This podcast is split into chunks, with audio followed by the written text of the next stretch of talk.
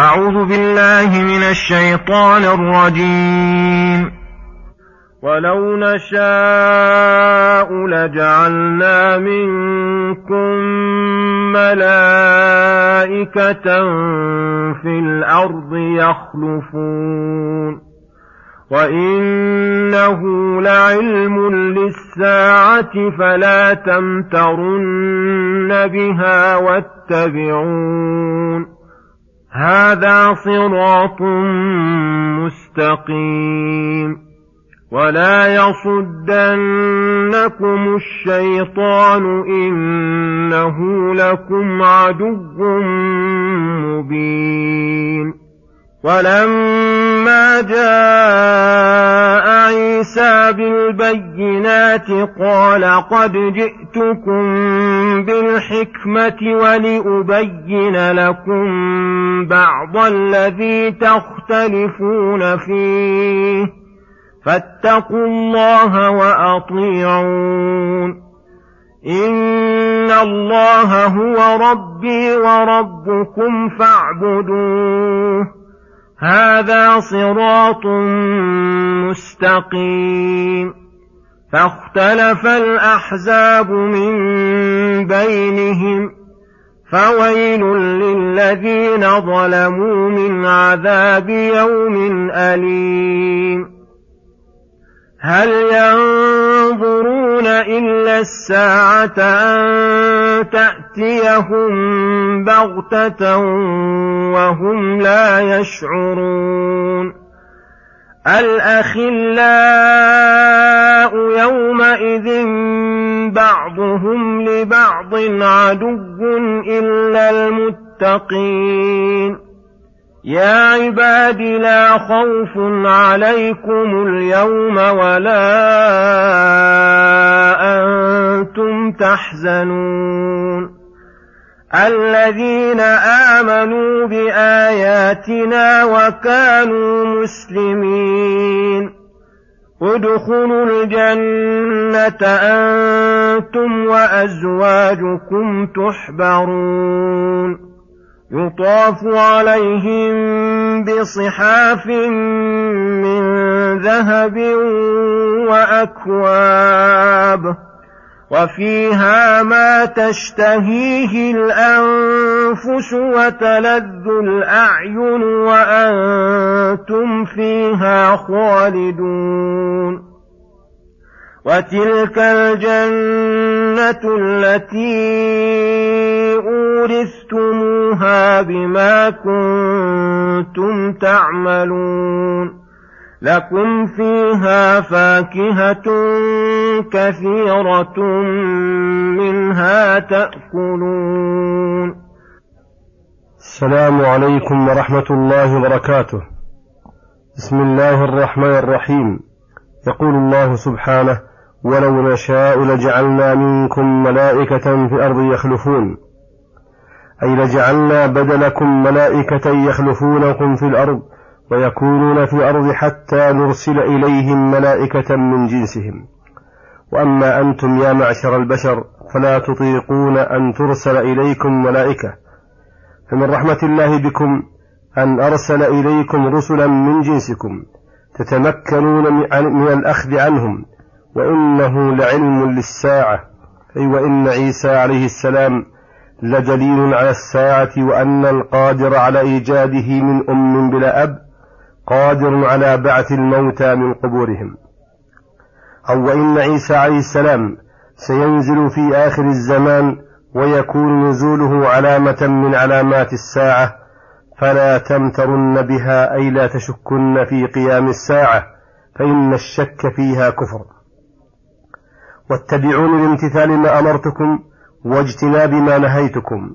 هذا صراط مستقيم موصل إلى الله عز وجل ولا يصدنكم الشيطان عما, عما أمركم الله به. إنه أي الشيطان لكم عدو مبين. حريص على إغوائكم باذل جهده في ذلك. ولما جاء عيسى بالبينات الدالة على صدق نبوته وصحة ما جاءهم به من إحياء الموتى وإبراء الأكمة والأبرص ونحو ذلك من الآيات. قال لبني إسرائيل قد جئتكم بالحكمة النبوة والعلم بما ينبغي على الوجه الذي ينبغي ولأبين لكم بعض الذي تختلفون فيه أي أبين لكم صوابه وجوابه.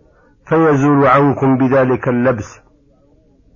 فجاء عليه السلام مكملا ومتمما لشريعة موسى عليه السلام ولأحكام التوراة وأتى ببعض التسهيلات الموجبة للانقياد له وقبول ما جاءهم به.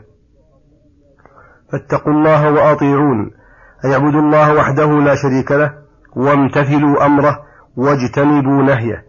وآمنوا بي وصدقوني وأطيعوني إن الله هو ربي وربكم فاعبدوه هذا صراط مستقيم ففيه الإقرار بتوحيد الربوبية بأن الله هو.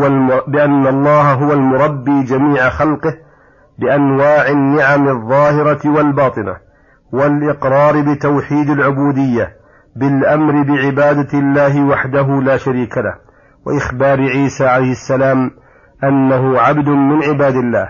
ليس كما قال النصارى فيه إنه ابن الله أو ثالث ثلاثة.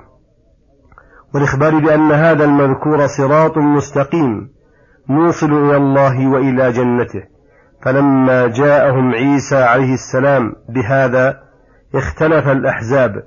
المتحزبون على التكذيب من بينهم كل قال بعيسى عليه السلام مقالة باطلة. ورد ما جاء به. إلا من هدى الله من المؤمنين الذين شهدوا له بالرسالة وصدقوا بكل ما جاء به وقالوا إنه عبد الله ورسوله.